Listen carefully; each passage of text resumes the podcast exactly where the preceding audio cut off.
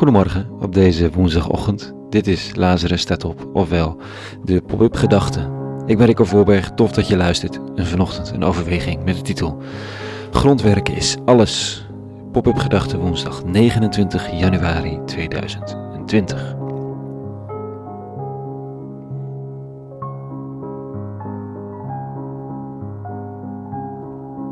Grondwerk is alles.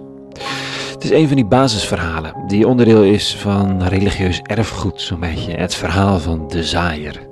Het is een soort collectief geheugen. Krijg je het niet via een kerk, een opa of oma of een kinderbijbel mee, dan mogelijk wel via kunstgeschiedenis of iets anders. Het is een van die verhalen van Jezus die vrij letterlijk een iconische status hebben gekregen. Elke ochtend om 6 uur pak ik dus het oude leesrooster erbij en lees wat ooit eens vroeger bedacht is als de lezing van de dag. Om me dan af te vragen wat me raakt, opvalt of verrast en daarna maar mee te beginnen te schrijven. En het oude verhaal van de zaaier van vandaag is eigenlijk een gek verhaal. Het deelt mensen in in subgroepen en je hebt geluk of je hebt pech. Het is een soort verklaring voor de manier waarop mensen omgaan met hoopvol nieuws, of met evangelie, of met Jezus zelf. Maar dat is het dan ook. Geen oproep, geen werk, geen ga dit of dat. Ik vond het altijd een schitterend verhaal. Nu vraag ik me af wat er eigenlijk de bedoeling van is. Nu als in vanmorgen. Dit staat er. Luistert. Eens ging een zaaier uit om te zaaien. Toen hij aan het zaaien was, viel een gedeelte op de weg en de vogels kwamen het opeten. Een ander gedeelte viel op de rotsachtige plekken waar het niet veel aarde had. Het schoot snel op, omdat het in ondiepe grond lag, maar toen de zon was opgekomen kreeg het te lijden van de hitte, zodat het verdorde bij gebrek aan wortel. Weer een ander gedeelte viel onder de distels en deze schoten op, zodat het verstikte en geen vrucht opleverde. Een ander gedeelte tenslotte viel op goede grond. En doordat het opschoot en zich ontwikkelde, leverde het vrucht op en bracht het 30, 60 en honderdvoudig voort.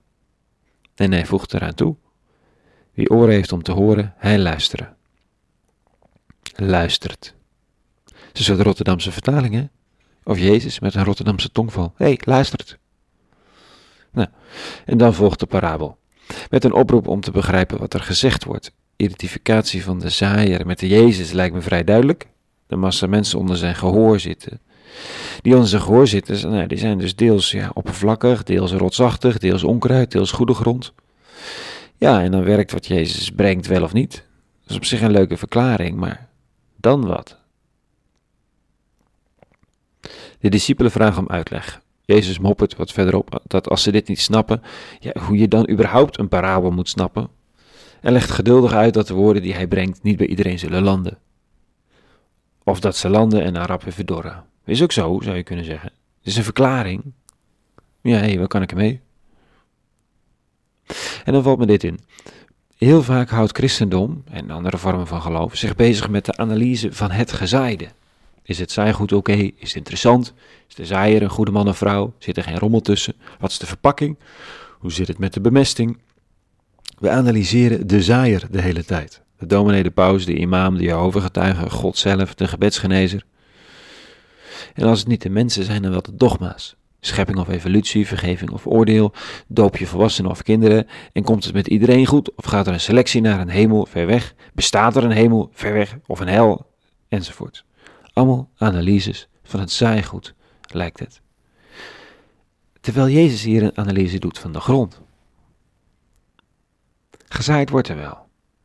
De vraag is alleen of het land. Misschien is het wel mijn taak, Jezus zegt het hier niet hoor, dus het is een gokje, om de grond te onderzoeken. Mijn eigen grond. Waar zit mijn hart? Hoe rotsachtig is het afgeschermd? Hoe ondiep is de aarde? Is er ruimte voor voeding en diepgang en worteling? Hoe onkruid gevuld is mijn leven met dat wat me afleidt?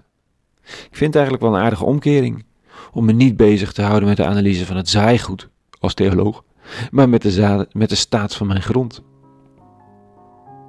De tuiner weet er alles van. Hè? Je kunt supergoed zaaigoed hebben, maar een te zure, te droge of te verziekte grond maakt alles stuk.